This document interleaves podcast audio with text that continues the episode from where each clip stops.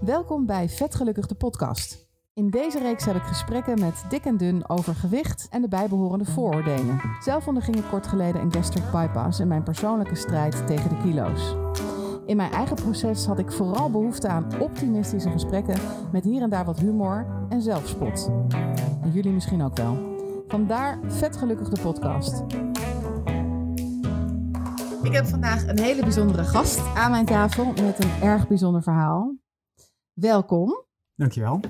Uh, jij hebt aangegeven dat je anoniem wil blijven, dus jij mag mij vertellen hoe ik jou mag noemen vandaag. Mijn naam is Ron en ik ben 33 jaar. Fijn Ron, welkom. Dankjewel. Um, hoe ik jou heb leren kennen, dat is eigenlijk een tijd geleden toen ik, uh, toen ik had besloten dat ik zelf een gastric bypass operatie zou ondergaan, die jij ook hebt gehad. Um, dat vertelde ik aan een goede vriendin van mij en uh, die komt uit dezelfde regio als waar jij vandaan komt. En zij zei, oh, maar ik heb nog een enorm goed succesverhaal. Uh, ik heb hem wel op Facebook, daar moet je even naar kijken. En dat heb ik gedaan en toen dacht ik, ik ga jou bellen voor het eigenlijke televisieprogramma, uh, Operatie Obesitas, wat wij aan het maken zijn. En wij kwamen aan de praat en ik dacht, ik ga nu luisteren naar een succesverhaal. Maar uiteindelijk uh, kwam daar een, een ontzettend, um, ja, voor mij impactvol verhaal uit. en dat verhaal had zoveel impact ook op mij. en dat is tevens de reden dat je graag anoniem wil blijven. Ja, het was wel een succesverhaal. Of het is nog steeds een succesverhaal, maar dan toch iets anders dan wat mensen denken. Precies. Um, dus dat verhaal gaan we vandaag um, nou ja, met elkaar bespreken. Dat gaan we de eter in slingeren. Onder jouw pseudoniem Ron.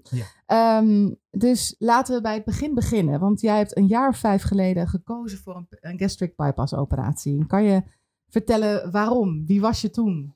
Ik was een een jonge man van uh, 180 kilo die niet eens zijn fetus aan kon doen. Uh, moment, uh, dicht kon doen. Op het moment als ik mijn fetus dicht wilde strikken, dan knapte de aders op mijn voorhoofd er spreekwoordelijk uit. Ja. Um, ja, ik kon slecht bewegen. Ik zat in een visueuze cirkel van eten, niet kunnen bewegen. Nog meer eten, nog meer balen van mijn gezondheid en van mijn uiterlijk. Ja. En eigenlijk een soort van doodongelukkig naar de huisarts gestapt toen. Ja. En die heeft jou geadviseerd om, om, dit, om het, een gastric bypass traject ingegaan, in te gaan. Nou, die heeft eerst drie jaar achter elkaar geadviseerd om vijf kilo per jaar af te vallen. Want dan was ik gezond bezig volgens hem. Totdat er een keer een uh, vervanger zat. En die zei, ja natuurlijk verwijs ik je door. En toen ben ik het traject ingegaan. En toen? Want jij hebt een operatie gehad. Ja. En jij zit nu tegenover mij. En de podcast is natuurlijk, die kan je niet zo goed zien.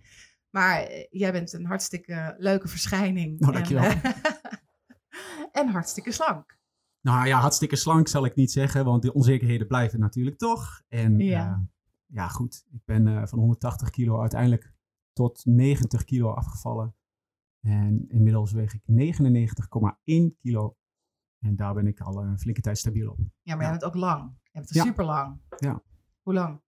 Ja, twee meter, ja. Ja, precies. Dus dan 90 kilo heeft misschien, een, of 99, een hele andere intonatie bij iemand van 70, uh, 1,70 ja. meter 70 ja. of bijna 2 meter. Maar um, jij uh, kwam dus in die rollercoaster terecht, je viel heel veel af. En wat, hoe veranderde jouw leven toen? Um, ja, het veranderde al in eerste instantie. Ja, de operatie was geweest, was gedaan. Ik kwam thuis twee weken lang vloeibaar eten. En daarna was het gewoon doodeng. Ja, wat ga ik eten? Um, hoe gaat het vallen? Krijg ik last van de spreekwoordelijke dumping, zoals we het dan over hebben? Uh, kan ik nog tegen suiker? Kan ik nog tegen vet eten? Frituur uh, heb ik het eerste half jaar afgezworen. Ja. Alcohol het eerste half jaar afgezworen. En eigenlijk met de week gingen de kilo's, nou vlogen de kilo's eraf. En hoe, hoe voelde dat voor jou? Um, ja, ik kon eigenlijk niet bijhouden hoe vaak ik uh, mijn profielfoto moest veranderen. um, nog steeds, durf ik wel te zeggen, elke spiegel die ik tegenkom, ja, dan moet wel even gecheckt worden. Um, ja, het was, was onwerkelijk eigenlijk. Ja. Elke keer weer van kledingmaat wisselen. Um, er wordt gezegd niet dagelijks op de weegschaal staan, maar toch ging ik dat dagelijks doen. Ja, herkenbaar. Ja, en het was, uh, het was vooral ja, naar mezelf kijken, de verandering observeren en ja, complimenten ontvangen van de mensen om me heen. Iedereen vond er wel wat van. Ja, je, je, had, je hebt ook wel een soort uh, publieke plek ergens, toch? Want jij bent zanger. Ja, ja. Hoe Ik, was eh, dat? Want jij zei, ik was, eh, nou wat was het, 180 kilo. Een Ja. zanger van 180 kilo die naar... Ja, ik Ah, stond, ja. ik stond op het podium altijd naast, naast een DJ en dan zong ik een aantal nummers. En hij speelde dan de rest van de avond en dat was een mix daarvan. Maar ja, het was, eh, het was wel van, ja, wat doet die dikke gast daar? En eh, dan ging ik zingen en dan eh, was het, oh, hij kan wel zingen. En ja, goed, dus daarin kreeg ik de waardering voor mijn zang. En toen ik in het begin op het podium kwam staan, ja, merkte ik wel verschillen daarin. Mensen die gingen mij niet alleen beoordelen op mijn zang, maar ook op mijn uiterlijk. Waar in het begin werd, werd er wel eens gezegd tegen mij van, ja, ga maar niet springen op dit podium, want dan zak je er letterlijk doorheen. en het klinkt heel hard, Maar het was wel maar het was wel de realiteit. dat ik daadwerkelijk op het podium stond en de DJ zijn, zijn DJ-meubel moest vasthouden als ik wel ging bewegen. Ja, Ja. eigenlijk is, is het gewoon zielig. Maar, eh, en toen stond er in één keer een knappe vent te zingen op het podium. Ja. Dus ineens kreeg je, hoe was dat met, met, met de vrouw? Want ik bedoel, wij vrouwen vallen natuurlijk, nee niet wij vrouwen, dat kunnen ook mannen zijn. Maar vallen natuurlijk op, op, die, op, die, op, eh, op de zanger. Ja, Toch, je wordt, je wordt getrokken naar eh, iemand die dan ja dat, een dat podium was, krijgt. het was totaal onwerkelijk. Want ehm, ik was altijd, ja, het nummer van Veldhuis en Kemper is eigenlijk wel treffend hoe het mijn hele leven ging. Ik heb letterlijk meegemaakt dat toen de tijd eh, voor de operatie was een vriend van mij die eh, ging waarschijnlijk uit elkaar met zijn toenmalige vriendin. En bij mij en mijn ex ging het niet goed. En toen zei hij letterlijk, ja, maar bij mij is het totaal anders als het uitgaat dan bij jou. Ik zeg, hoezo dan? Ja, ik heb natuurlijk zo weer een vriendin. Dat we- alsof het de normaalste zaak van de wereld was. En ik dacht alleen maar, ja, ja hij heeft nog gelijk ook. Ja. Oh. Dat, dat is wel, en als je dan in één keer wel de aandacht krijgt, dan aan de ene kant voelt het goed, maar aan de andere kant ook, ja, het voelt ook wel weer de onzekerheid van, ben ik dan van binnen niet Ja, de juiste eh, persoon of, of ja, dat soort dingen. ja. Heb jij met, met aandacht, hoe werkt dat bij jou? Heb je, merk je nu al verschil, want je bent natuurlijk geopereerd. Ja, ik, eh, nu wij elkaar spreken en, en hoe lang het geleden is, dit is ehm, op het tijdstip van, van het opnemen van deze podcast, ben ik eh, een maand verder en acht kilo verder. Dus dat is nog niet zo heel veel. Maar ik moet eerlijk zeggen dat ik, ik heb niet zo. ik, ik weet niet of ik het door zou hebben als ik wel aandacht zou krijgen, omdat ik eigenlijk geen behoefte heb aan aandacht. Maar waar dat dan vandaan komt, weet ik ook niet. Maar collega's, ehm, hebben die... Nou ja, eh, nee, want ik ben, ik ben de baas. Dus ja, dus, dus dat, ik denk niet dat mensen heel snel denken: hé, hey, biertje. maar nee, ik heb, dat, eh, ik heb dat op een laag pitje staan. En ehm, in de periode dat ik ook veel overgewicht had, een jaar of tien geleden, ontbrak het niet aan aandacht. Ehm, maar ik heb, ik heb altijd wel gedacht dat ik moest compenseren. Ik dacht, nou, ik heb Ja. ook wel een ik heb wel best een leuk koppie. Daar kan ik wel wat mee. Ik heb, nou ja, je kan wel lachen met me, denk ik. Dus dat is dan mijn compensatie. Maar ja, bij jou is dat natuurlijk heel anders. Want mensen oordelen pas in tweede instantie. Hè, wat je net zei, van dan stond ik met 180 op een podium. En dan zei ze, oh, maar hij kan wel zingen. Daar zit natuurlijk één groot, heel naar vooroordeel in. Ja, maar ja, wat jij zegt, eh, compensatiegedrag in, ja, maar ik eh, was natuurlijk heel vriendelijk. Of, ik bedoel, alle dikke mensen, wel een dik persoon op. En eh, dit klinkt misschien hard, maar ik voel me nog steeds van binnen een dik persoon, dus ik mag dit zeggen. Wel een dik persoon op en vraag of die meegaat de stad in. Hoe laat het ook is, ze zeggen altijd ja. Als je iemand nodig hebt voor het tillen van een kast, en je kent toevallig een stevige man, ja, die vraag je en die zegt sowieso ja. Want uiteindelijk, bij mij was de kern, ja, maar wat als ik nee zeg? Dan lig ik buiten de groep. En ik, op zoveel plekken ben ik al buiten de groep. Als ik naar de kledingwinkel ga, als ik eh, in de stad loop met mijn vrienden.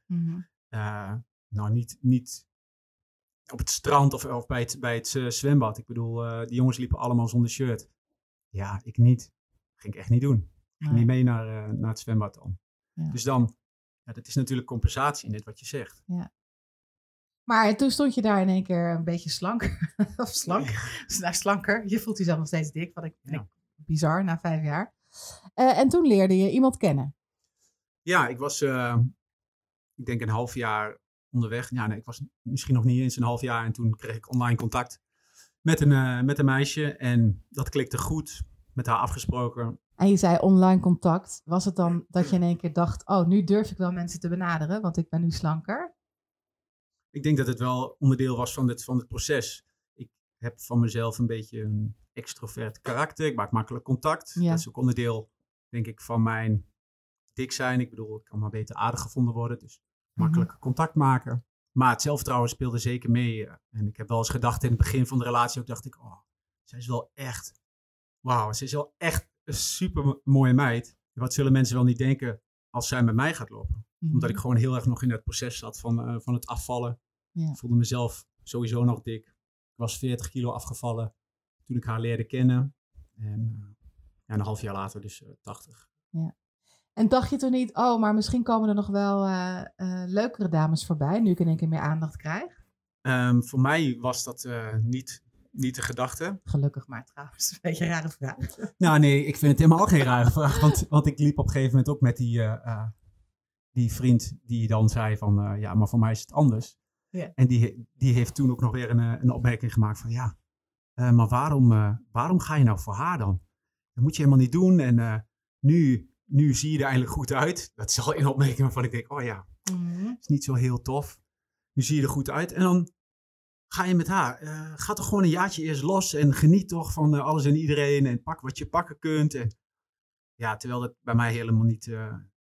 Die gedachte er helemaal Is het niet nog een was. goede vriend van jou? Nee, nee, inmiddels, persoon? Nee. Nee, inmiddels hebben we ook geen contact meer. En dat is wel, ja. Ik lach wel, maar ik vind het echt eigenlijk heel naar. Dat iemand denkt, nou, nu, nu kan je dan, eh, weet ik veel, harten gaan breken of zo. Ik, eh, Ja, nou, ik denk dat hij het wel heeft bedoeld uit een ehm, positieve draai van ga genieten van het leven en ik gun je dat. Ja. En hij stond op dat moment ook zo in het leven dat hij geen relatie had en gewoon losging. Maar uiteindelijk, hij eh, stond een beetje voor de gedachte van de maatschappij. Oké, Ja. je bent dik, dus je hoort er niet bij. Nu ben je dun Ja. en nu is het allemaal geoorloofd. daarom zitten we eigenlijk ook hier, hè? de oordelen en de vooroordelen Ja. over mensen met overgewicht of mensen die dik zijn, hoe je het ook maar wil noemen. Ehm, dus jij zat in eh, totale witte broodsweken. Je ging van eh, 180 kilo naar, eh, nou ja, 100 of onder de 100. Ja. En eh, hoe lang duurde dat, die periode? Dan kan ik me vast voorbereiden. Ehm, nou, als ik een voorspelling... Nee, ik ben geen... Ja, als ik... eh, kijk, ik heb sowieso dus een half jaar echt... Dat ik echt alleen maar naar beneden ging in gewicht. eh, De 100 kilo grens bereikte. Nou, dat Ja. extreem gevierd heb, heb. Omdat ik daar volgens mij al ti- tien jaar niet onder was, eh, was geweest.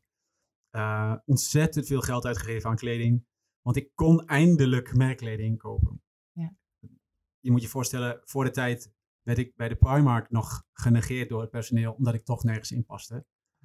En nu kwam ik bij een eh, Jack and Jones binnen. Hé hey, meneer, kunnen we u helpen? En ja, alles paste gewoon. En Ja. ja. dat was fantastisch. De aandacht was fantastisch. En ik was eigenlijk, in plaats van het eten aan het consumeren, was ik gewoon de aandacht, de positiviteit en vooral mezelf aan het bewonderen en consumeren eigenlijk. Daar kwam het op neer. Was je toen nog wel, was je wel leuk nog? Ehm, het, het werd zeg maar zo'n kantelpunt van, ja, hij is heel blij met zichzelf, naar arrogantie voor sommige mensen. Het zat wel, ik heb, ik heb toen uitgelegd van, eh, ik heb altijd gedroomd om op een bepaalde manier uit te zien, wat jij net ook zegt. Ik vond altijd, ik had een goede kop, maar de rest paste er niet bij. Mhm. En op een dag word je wakker, ben je dus onder die 100 kilo, kijk je in de spiegel. En op dat moment eh, dacht ik, ja, jackpot. Ik heb bereikt wat ik altijd heb willen bereiken. Toen werd ik wel een beetje arrogant. Mhm. Ehm, minder aandacht voor mijn vriendin. Was zij in het proces ja, haar eigen eh, eh, problemen had. Ik bedoel, eh, zij heeft ook haar onzekerheden. Ja, daar had ik helemaal geen oog meer voor. Ik had alleen maar oog voor wat ik wilde, waar ik behoefte aan had. ehm, wat mij goed deed voelen. En eh, Ron, jij had, ehm, nou ja, die witte broodsweek hebben we het over gehad. Je ging een beetje naast je schoenen lopen. En toen veranderde voor jou de situatie volgens mij een beetje. Want ja, ik kreeg op een gegeven moment, was ik op mijn werk en ik kreeg last van buikpijn. Ik dacht, ja, hm, het voelt niet helemaal lekker. Ik had een broodje gehad. Niet iets wat ik nog nooit eerder had gegeten, dus dat kon het niet zijn. Nou, ik denk, misschien heb ik een dumping. Misschien zit me letterlijk een scheet dwars. Want dat kan gewoon natuurlijk na zo'n Mhm. operatie. En eh, ja, toch wel heel veel pijn. S'avonds naar huis, nog meer pijn. En om 11 uur, half 12 zegt mijn vriendin, ja, vertrouw je het wel? Ik zeg, nee. Ik zeg, ik wil eigenlijk gewoon eh, de obesitaskliniek bellen. Vragen of ik langs mag komen. Uh, zij, zegt, zij zeiden tegen mij, ga maar naar het ziekenhuis, naar de eerste hulp. Ben daar geweest, hebben ze geluisterd naar mijn buik. Nee, er is niks aan, je, aan de hand. Volgens mij heb je gastritis. Nou, dat is een soort ontsteking van het maagslijmvlies. Ja. Ik heb geen maag. Dus hoe kan het ontsteken? Ja. Ik had het gevoel van, ja, het zit in de, in de knup. Er zit een draai in. En ik werd met eh, een beetje maagbeschermers naar huis gestuurd. Ja.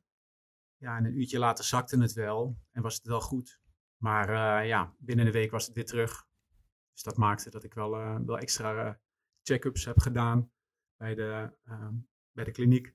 En elke keer kreeg ik te horen, ja, we denken, denken dat, dat het iets met je maagslijmvlies is. Dus ik kreeg nog meer maagbeschermers. En eh, daarbij kreeg ik eh, oxycodon voorgeschreven voor de pijnstilling. En eh, dat zijn kleine blauwe pilletjes waarvan ik dacht, paracetamol, oxycodon, Ja. pijnstillers zijn pijnstillers. Maar dat is dus morfine. En dat bleek toch wel goed te werken. Ja. Ja. Jij hebt een operatie gehad, toch? Daarna, of niet? Ja, ik heb een jaar lang met, met buikpijn rondgelopen. Buikpijn, echt wel hevige buikpijn. Dat ik gewoon s'nachts ja, niet kon slapen, opgetrokken in de foetushouding, letterlijk in bed lag. Mhm. eh, te kreunen en te steunen. Met, met dus die blauwe pillen. En met die blauwe pillen. Ja. Ja. ehm, ik zat op handen en knieën eh, op mijn werk om maar te kijken van, hey, volgens mij als ik zo en zo draai, dan loopt het door. En dan heb ik geen pijn meer. En de ene keer duurde dat een half uur en de andere keer duurde dat tien minuten. Ehm, ik heb letterlijk gehad voor een optreden, vijf minuten voor de tijd, dat ik in de kleedkamer op handen en voeten zat. De organisatie zegt, wat doe jij dan? Ja, ik eh, ben wat kwijt, zei ik dan maar. Om ook eh, maar geen zorgen te krijgen bij, bij de klant daarin. En ehm, ja, op een gegeven moment kwam ik bij een arts en die zei, ja, we hebben je echo bekeken, je hebt galstenen, dus je galblaas gaat eruit. En ik denk dat je darm in de knup zit. Ik zeg, mooi, ik zeg, dat roep ik al een jaar. Ja. En ik zeg, wanneer kan ik geopereerd worden? Ja, "Eh, over twee weken. Ik zeg, nou, is goed. En zegt hij, hoe is het met de pijn? Ik zeg, nou, behoorlijk erg. Ja. De dagen dat ik belangrijke eh, dingen had met werk en zo, dan had ik maar een breker. Want het, dan kan het ook niet verstoppen in mijn darmen. Dus uiteindelijk eh, woog ik eh, ja, dus 90 kilo. Had ik een ingevallen gezicht. En ehm, kreeg ik nog een keer 40 of 50 van die pilletjes voorgeschreven. Ja. En dacht ik, nou, nog twee weken, dan ben ik er vanaf. Maar toen begon de ellende pas, pas echt. ja, je werd geopereerd en toen mocht je weer naar huis. Ja. Toen was het uit de knup gehaald. Ja, twee poorten gedicht in, de, in mijn buikvlies, zoals dat zo mooi heet. Daar vloog de darm continu Mhm. in de knoop. Ehm, ja, naar huis gestuurd met paracetamol. Geen oxycodon meer, want dat bleek toch wel erg verslavend te zijn. Hoe lang had je daar, hoe lang had je dat gebruikt dan? Ik had het eh, ja, bijna een jaar gebruikt. En toch wel op, eh, op dagelijkse basis. Een jaar lang morfine. hè? En dan was het gewoon van, ja, als je het op hebt, dan bel maar. Ja, en dan belde ik naar de, naar de kliniek en dan werd het weer voorgeschreven. En eh, ik wist wel van, ja, oké, het is pijnstillend. Maar ja, goed, als ik dan ook een, eh, een, een biertje had gedronken, dan eh, kon ik er ook goed op slapen. En, en dat waren toch wel tekenen eigenlijk, die hadden moeten leiden van, oké, Ja. hij is toch wel afhankelijk daarvan. Dit moeten we gaan afbouwen met een schema. Ja. Maar dat was dus allemaal niet het geval. Gewoon cold turkey. Hier heb je paracetamol, ga maar naar huis. Ja. Je darmen zijn uit de knoop en de galstenen zijn eruit. En zoek Ja. het uit nu. Hou twee weken rust. Daarna mag je weer, eh, weer losgaan. Dus dat dan ook maar gedaan. Alleen, ja, de witte broodsweken waren zogezegd wel voorbij. Donkere wolken hingen er meer boven. Ik voelde Ja. me slecht, eh, lichamelijk slecht, geestelijk slecht. Ehm, negatieve gedachten.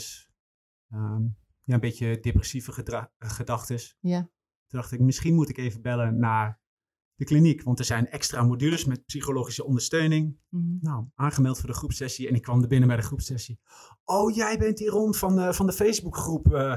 Oh ja, je bent zoveel afgevallen. Oh, wat doe je hier eigenlijk? Ja. Toen zaten er tien mensen met hun eigen problemen en een psycholoog. En ja, toen dacht ik, moet ik dan hier zeggen dat ik me helemaal niet top voel of dat het slecht gaat? Ja, niet aan bod gekomen, niet mijn kans gepakt daarin. Na de hand wel gebeld, ik wil graag één op één begeleiding. Dat kon, werd ik op de wachtlijst gezet. Kon nog wel een paar maanden duren. Mhm. En eh, toen ben ik gaan googlen op eh, ja, een soort van eh, middeltjes om energie te krijgen, eh, wat gewoon binnen de wet viel. Toen kwam ik op zo'n Research Chemical 3-MMC uit. En inderdaad, eh, dat gaf energie. Maar ja, Wat is 3-MMC? ja dat is, eh, het is gelukkig eh, afgelopen maand verboden. Maar het is een mix van, ja, van dingen die in een laboratorium worden gemaakt. Het heeft hetzelfde effect als cocaïne met een beetje ecstasy. Daarmee kun je het vergelijken. En dat Dus dat had je zelf gevonden omdat je dacht, hé, hey, blijkbaar moet ik dit bestrijden met, met anderen. Moet ik mijn morfine tekort bestrijden met andere soorten Ja, blijkbaar, blijkbaar heb ik... Uh, maar het was gewoon te verkrijgen, het is legaal. Ja, ja het was gewoon legaal. En uh, dat maakte ook wel dat ik dacht van, ja, oké, het is legaal. Uh, laat ik het eens proberen. Gedaan en inderdaad, het gaf me energie. Kon de hele avond door. Niet vermoeid. Bijna niet geslapen. Nou, prima. Oké, dit werkte. Hè, ik ben het waar, weekend... waar, waar koop je dat dan? Dat kocht ik in een, in een smart shop of je kon het online bestellen. En uh, ja, op het laatst toen ik echt mezelf helemaal, helemaal kwijt was, toen was het wel 10, 15 gram in de week. Ik, ik weet het niet eens meer. Ik sliep bijna niet meer. Uh, ik, ben, ik ben dus in een jaar tijd, of in anderhalf jaar tijd van het stoppen met morfine, de problemen met mijn zelfbeeld, met mijn eigen waarde, energie, 15 gram, 3 mmc snuiven, in combinatie met uh, gokken, de hele nachten, uh, overdag gokken. Ja, je gaat nu echt super snel. Want ja. ik denk dan, je, je, je krijgt een enorm zwaar medicijn voor, voorgeschoteld, hè? Dat, uh, die morfine. Je wordt geopereerd, je gaat naar huis en je besluit eigenlijk zelf, ik ga dat doorzetten. En je valt dus in een, in een verslaving. In hoeveel, hoe, hoe lang duurde dat? Totdat je dacht, oh, ik heb, ik heb die 3 MMC echt nodig. Ik heb, uh, ik denk, anderhalve maand tot twee maanden echt wel geworsteld tegen, dat, uh, tegen die, die morfine. Ik heb echt een maand gewoon echt nodig gehad om lichamelijk daarvan te herstellen. Uh, maar ja, de geestelijke klap was dan ook nog weer, omdat ik, dat ik mijn eigen waarde daar dus kwijt was. Ik had die negatieve gedachten. En uh, daar had ik wel even over gesproken. En mijn vriendin zei ook, ja, je moet daar hulp bij zoeken. Mm-hmm. Maar dat gedaan. Maar ik denk, die wachtlijst is, je moet wat anders. Je hebt een paracetamolletje, dat neem je tegen de hoofdpijn. Je neemt uh, um, Alif, sommige vrouwen nemen Alif tegen ongesteldheidspijn. Is er niet wat om energie te krijgen? Red Bull, ja, met suiker kan ik niet hebben. Mm-hmm. Maar ja, om daar een pellet van leeg te drinken is ook zoiets. Is ook niet goed. Is er niet wat? En bij het googlen kwam ik daarop uit. Hey, en je vertelde natuurlijk dat je op een podium staat. En ik denk gelijk, oh ja, die leuke zanger. Jij hebt vast uh, sowieso een, vrij uitbundig leven gehad met misschien wel cocaïne, drugs. Was dit een soort logische stap? Ja, je zou het haast zeggen, maar dat is eigenlijk ook wat ik denk hier op kantoor. Ik bedoel, hier ligt een wit kleedje op tafel. Het verbaasde me eigenlijk dat er geen spiegels uh, lagen. ja, ik bedoel, we hebben het over vooroordelen, toch? Ja, in het artiestenwereld. Wij schuiven allemaal. nee, maar dat wordt, wordt er natuurlijk ook gezegd van de, van de uh, televisiewereld. Ja, ja, je hebt wel een punt. Ik denk namelijk van, blijkbaar heb jij dus een enorme, uh, ben je heel gevoelig voor verslaving. En grijpt, is dat, weet je wel, ben je daardoor getackeld? Ik denk, ja, dat komt dan toch ergens vandaan? Of, of is dat een verschuiving geweest van eten naar medicatie? Nou, ik denk bij mezelf is het gewoon een, uh, een stukje erbij willen horen. Daar, daar is het allemaal begonnen. Niet tevreden zijn met mezelf. En ja, die pijn willen verdoven. En, en vroeger deed je dat met eten? Ja, ik, ik, had een, uh, ik had een relatie voordat ik zeg maar echt extreem dik, dik werd. Of tijdens dat ik uh, mm-hmm. dik werd. was een relatie ongezond. Meisje had haar eigen problemen, maar daarnaast ging ze 6, 7, 8, 18 keer vreemd. Ik weet niet hoe vaak. Ja. Maar van vier of vijf keer is het gewoon opgebiecht aan mij. En dacht ik alleen maar, ja, ik ben nu zoveel aangekomen. Um, voor mij is het natuurlijk heel anders als ik mijn relatie kwijt ben, dan voor die vrienden van mij. Want die hebben natuurlijk zo weer een vriendin. Laat ik maar gewoon denken, ja, dit hoort erbij. En uh, ja, even slikken en weer doorgaan. En dat even slikken en doorgaan werd dus even eten, even drinken, een biertje en even wat bestellen. En zodoende, ja, mijn pijn verdorven, mijn emotie verdorven. Niet meer uh, uh, omgaan. Mm-hmm. En dat, uh, ja, dat zit natuurlijk in het eten. daarnaast ja. hebben ze wel gezegd bij de obesitaskliniek ook, en er wordt ook wel onderzoek naar gedaan, de kans op verslaving bij mensen na een gastric bypass is gewoon veel hoger. Ja, maar deze kwam gewoon eigenlijk uit het niets. Deze heb jij zelf niet zien aankomen waarschijnlijk. Nee, ik heb hem zelf zeker niet uh, zien aankomen. Ja. Ik uh, moet wel zeggen, de 3 MMC, ja, op het moment dat ik dat ging snuiven, want ik had gegoogeld dat dat dan sneller zou werken. Ja, het is niet iets waarvan ik dacht, ja, het is legaal. Laat ik tegen iedereen zeggen, hey, uh, ik ga even dit nu doen. Vinden jullie wel goed, hè? Nee, ik wist, ik wist wel dat het niet geaccepteerd zou worden. En ik wist ook wel dat ik het zelf niet zou willen weet je dan nu wel wat, wat jou dan, waarom je wilde verdoven? Want uiteindelijk heb, heb jij dus die gastric bypass gehad, terwijl je eigenlijk misschien helemaal nog, was je er toen wel klaar voor is dan geestelijk of, of in je kop. En, wat je, en, en je zegt nog steeds, ik voel me nog steeds dik. Ja, Ik- waar zit je dan nu in je... ja, ik, ja waar zit je dan nu? Is, is alsof er een soort van eindstreep is. Aha. Ehm, ik ben er nu wel achter gekomen, er is geen, geen, geen begin of eind. Eh, die operatie heb ik toen gedaan, was ik er klaar voor. Ik denk eh, zeker dat ik er klaar voor was. Ik was er misschien al wel vier, vijf jaar eerder klaar voor. Maar had ik helemaal uitgezocht wat er met mezelf aan de hand was? Nee, absoluut niet. Nee. En nu ben ik erachter dat het gewoon een soort van weegschaal is. Grappig, voor iemand die dan altijd dik was, een weegschaal. Maar het, Ja. het moet gewoon in balans zijn. En alles heeft een weerschaal. Of het nou energie is, of het nou eten is, of het nou slaap is, rust is. En daarin is het belangrijk voor mijzelf om mijn eigen grenzen te bewaken. En die was ik eh, al kwijt in het eten. Ja. Dus daar zit al heel veel in. En hoe ben je hier uitgekomen? Ehm, ik ben eruit gehaald. Ehm, ja, die DJ waar ik mee op het podium stond, ehm, die reed ik dan naar huis. We hadden altijd eh, zoiets van, ja, nou goed, wie heeft er het minste gedronken? Op het laatst maakte me het sowieso al niet meer uit. Dus ik dacht, ja, ik zit toch al niet lekker in mijn vel, hè. Het laatste stukje alleen gaat ook wel goed, maar hij had mij betrapt op het toilet. Maar hij was ontzettend dronken, dus ik eh, had er niet bij stilgestaan. Ik denk, nou prima. Hij heeft toen gezegd, het volgende optreden, jij gaat hulp zoeken Mhm. want dit gaat niet goed. En ehm, nou, toen was het, toen heb ik contact gelegd met een, eh, met een kliniek. Ik denk, ja, dat moet dan maar even in het geheim. En mijn vriendin en mijn familie mag er niks van weten. En eh, Jouw vriendin ook niet, maar die heeft toch wat door? die had wel door dat ik niet lekker in mijn vel zat. Ja. Want eh, ja, de, de negativiteit, ik bedoel, ja, ik, de hele nachten zat ik op het toilet. Ik zei op een gegeven moment, ja, ik heb weer last van buikpijn. Ja, En wat deed je daar dan? Eh, daar was ik aan het gebruiken, die 3-MMC. Eh, omdat ik niet meer, slik, niet meer sliep, had ik een nieuwe hobby erbij, zo gezegd. Het was het gokken. Online gokken kon non-stop doorgaan. Ja, en op een gegeven moment was het, dan reed ik naar mijn werk toe. S ochtends om, om half acht was dat dan. Ja.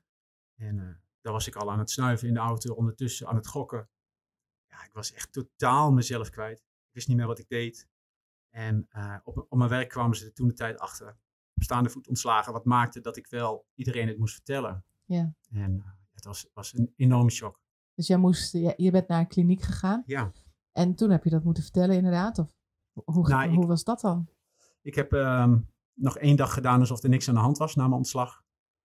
Ehm, ja, die dag eh, heb ik gewoon eh, van ellende maar in een casino doorgebracht. En, eh, en ik dacht, ja, ik, ik wil het niet. En wat moet ik dan doen? Moet ik uit het leven stappen? Dat soort gedachten zijn er echt bij me opgekomen. Mhm. En, en toen had ik zoiets van, ja, nee, dat, dat kan niet. Ja. Ik, ik, vind het, ik vind het leven gewoon te mooi. Er zijn te veel mooie dingen. Ik ben kindertegek op mijn vriendin. Maar ja, als ik het vertel, blijft ze er dan nog. Mijn familie, die zullen wel teleurgesteld zijn. Ja. Ehm, ja, uiteindelijk toch een dag later verteld. Ehm, Is je vriendin verteld. gebleven? Ja, ze is er wel. Ja, Wauw, ja. Die, eh, die mag ook een standbeeld krijgen wat dat betreft. dat lijkt mij. Ja, Ja. toch? Ja, maar goed, ik, ik, ik heb het haar verteld en ze was in shock. Ehm, een dag later aan mijn ouders verteld, aan mijn broertje en mijn zusje verteld. En eh, die hebben direct alles in gang gezet, alles overgenomen. Ik, eh, ik was niet meer zo helder van geest, dat was ik al een hele tijd niet meer eigenlijk. Mhm. Maar eh, ja, één of twee dagen daarna zat ik bij de psychiater van, eh, van de Solution Center, is dat dan, afkeerkliniek. Ja. En vier dagen later werd ik opgenomen in de kliniek en liep ik de kliniek in en dacht ik letterlijk, als ik maar niet tussen de junkies kom. ja, Nee, want 's ochtends om half acht drie MMA snuiven, dat uh, categoriseert jou natuurlijk niet als een nee, ik, ik kwam daar echt super angstig binnen en dat ik dacht, oh, wat, wat is dit? En, Ja. en maar ik was zelf En natuurlijk hoe lang ben je nu inmiddels uh, daarvan af, van die troep? Ik uh, ben er inmiddels bijna twee jaar vanaf. Ja. Wauw. Heb Dan jij, is- heb jij angsten voor, voor, voor alcohol of drugs? Uh, je zegt antidrugs, maar... Ja, ik heb nooit drugs gebruikt. Ik heb één keer een uh, spacecake gegeten. Toen ging ik giechelen als een geit. En toen heb ik een liter cola gedronken, wat ik ook al nooit doe. Dus daarmee, dat was mijn drugsexperiment. Um, alcohol ben ik wel bang voor, ja. Ik heb natuurlijk de verhalen gehoord en ik heb jouw verhaal gehoord. Dat heeft mij aan het denken gezet. Dus ik heb niet het idee dat ik um, uh, een alcoholist ben, maar ik, ik heb wel een enorm beloningssysteem. Dus als ik ochtends een klote dag heb, dan denk ik, ach, vanavond een wijntje. Dus dat is nu natuurlijk niet, want wat jij net zei, van je kan sowieso een half jaar niet drinken. Dus ik zit er nu wel over na te denken, mede ook door jouw verhaal. Dat ik dacht, ja, moet ik misschien dat hele alcoholgebruik in de wil gehangen? Want het is natuurlijk niet helemaal gezond ehm, dat ik dingen wil fixen met verdoving. Ja. Dat ik denk, ik voel me nu niet lekker, maar door alcohol voel ik me beter. Dat is eigenlijk gewoon een heel raar uh, systeem. Uh, ik ben wel eens vaker gestopt met alcohol, soms drie maanden, één keer een jaar. Dus ik heb dan wel het idee dat ik ermee om kan gaan. Maar er is nu wel een grote gevaar, denk ik, met zo'n maagverkleining. Ja, en, en uh, wat nou als jij inderdaad een half jaar niet drinkt of een jaar niet drinkt? Mm -hmm. Je hebt een rotdag en dat wijntje smaakt twee keer lekkerder dan voor de operatie. Want dat gebeurt er. Je bent sneller aangesloten. Mm -hmm. uh, het, het, is sneller in je bloed. Ja, dan ga je uit van, van, de, van het, het, het toxische alleen. Hè? Maar ja, ik vind ook mijn, mijn arsenaal aan wat ik lekker vind om te drinken is heel, heel beperkt. Ik drink heel graag koffie, kruidenthee, water en wijn. Dat is het. Uh, dus ik kan ook echt genieten van een goede wijn of dat soort dingen. Dus, um, maar ja, het, het verdooft wel en het is een, uh, het, het is een soort escape op iets. Um, dus laat ik het zo zeggen, ik zit een soort in het proces om daarover na te denken. Hoe wil ik daarmee omgaan? En ik ben me bewust van het feit dat dat, net zoals dat het bij jou als een duveltje uit een doosje kwam, dat dat op de loer ligt. Daar ja. ben ik me heel erg van bewust. Maar dat komt ook zeker door jouw verhaal. Ik vind het bijzonder dat jouw vriendin nog bij je is. Ja, dat, dat, dat, dat, vind, dat vind ik ook, ja. ja maar dat zijn, er zijn heel veel mensen die dat uh, vinden. En het is voor haar ook absoluut niet, uh, niet gemakkelijk. Tot op de dag van vandaag is het elke dag weer... Mm -hmm. uh, ja, de angst misschien wel. En die angst zit niet alleen bij haar, maar die zit bij mijn ouders, die zit bij mijn vrienden. Angst om terug te vallen, dat jij in één keer weer... Ja, ja, ik kreeg van de week van mijn zusje nog een berichtje van, hey, gaat het wel goed? Ik zeg, uh, ja, hoezo dan? Ja, iets van een onderbuikgevoel. Ik zeg, nee, ah. ik zeg, het ah. gaat hartstikke goed. Ja, want normaal gesproken belde je wel regelmatig en nu heb je al een week niet gesproken. En bij mijzelf zit er nul gedachte aan, aan gebruik of nul gedachte aan gokken. Ja. En, en dat vind ik wel het meest bizarre in dit verhaal. Ik heb niet één keer sinds de opname in de kliniek zin gehad om te gaan gebruiken. Ik ben totaal gestopt met, met alcohol drinken. Ik ben uh, nu iets meer dan een jaar gestopt met roken. Um, ik ben ook sinds dag één van de kliniek gestopt met gokken. Ik heb het gokken nog wel een tijdje in mijn systeem gehad. Maar ik weet gewoon, nee, dat, dat is niet meer voor mij. Ik heb er geen zin aan. En waar, waar ik dan een keer mhm. slecht in mijn vel zit omdat ik vermoeid ben, is het direct bij de mensen om me heen de angst. Hij zal toch niet weer gebruiken. Ja, en dat is misschien ook wel logisch.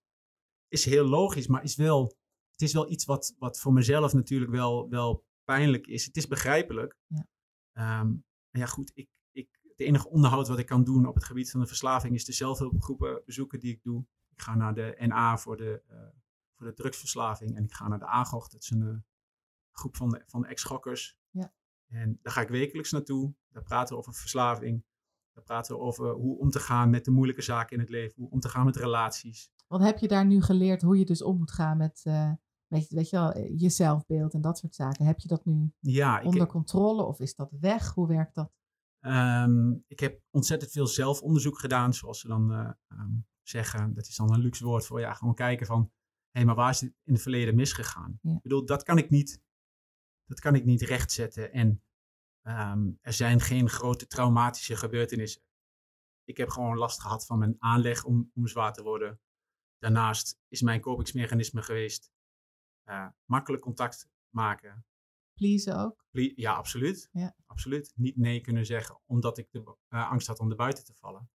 Ja, dat kan ik niet meer veranderen. Maar ik weet wel nu wat die zwakke punten zijn. En nu heb ik de verantwoordelijkheid uh, om daar het juiste in te kiezen. En op het moment als ik een keer geen nee zeg, dan uh, moet dat een afgewogen keuze zijn voor mezelf. Ja.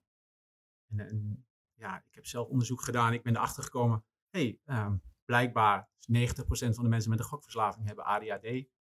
Dat na laten kijken, ja, dat is dus inderdaad zo. Ja. Ik heb ADHD. Dat maakt dus dat mijn gedachten sowieso sneller gaan, dat mijn um, spanningsniveau ja, dat ik daar uh, gevoelig voor ben. Ja. Dat heeft ook te maken met adrenaline. Ja, winnen, niet winnen, dopamine, adrenaline. Aha. Ja. ik ben blij dat je er al zo lang van af bent en dat het nu ogenschijnlijk best wel goed met je gaat. Ja. Klopt dat? Ja, Fijn. Hey, en mijn allergrootste vraag natuurlijk nu is, heb jij spijt van die operatie? nee, nee, absoluut niet. Ik zou het morgen zo weer doen als ik in dezelfde situatie zat. Ja, je kijkt me nu ook heel indringend aan. Met Ja. volle overtuiging is Ja. dit het antwoord, hè? Ja, ik, ik, gun het, ik gun het iedereen de operatie. En ik hoop wel door mijn verhaal te vertellen dat mensen zich bewust zijn van, van de gevaar. Op het moment als iemand een wijntje drinkt na een operatie, is dat niet erg. Maar als iemand een wijntje drinkt na een rotdag en dan denkt, oh, deze had ik even nodig. Ja, ga dan, ga dan op zoek naar de gezondere variant van dat wijntje. En dat kan zijn praten met een collega, praten met een buurman. Ga naar zelfhulpgroep. Zul, Ja, ik ga niet met mijn buurman eh, praten erover. Het is wel een leuke manier om contact te maken. Ja, misschien, misschien werkt dat dan. Ja, nee, ik lach natuurlijk over, eh, over deze, deze afloop. Maar waar ik heel erg door geraakt ben, is dat ehm, ik denk dat heel veel mensen die ook luisteren denken: Zo, vijf jaar geleden heb je die operatie gehad. Je hebt een hel ondertussen meegemaakt. En nog steeds zou je ervoor kiezen. Ja, ik heb, ik heb geen hel meegemaakt. Ik denk dat ik ehm, de mensen om mij heen heb ik een hel aangedaan. Voor mezelf is het allemaal net goed gegaan. Ik bedoel, als ik niet de operatie had gedaan, was ik inmiddels overleden aan een hartstilstand.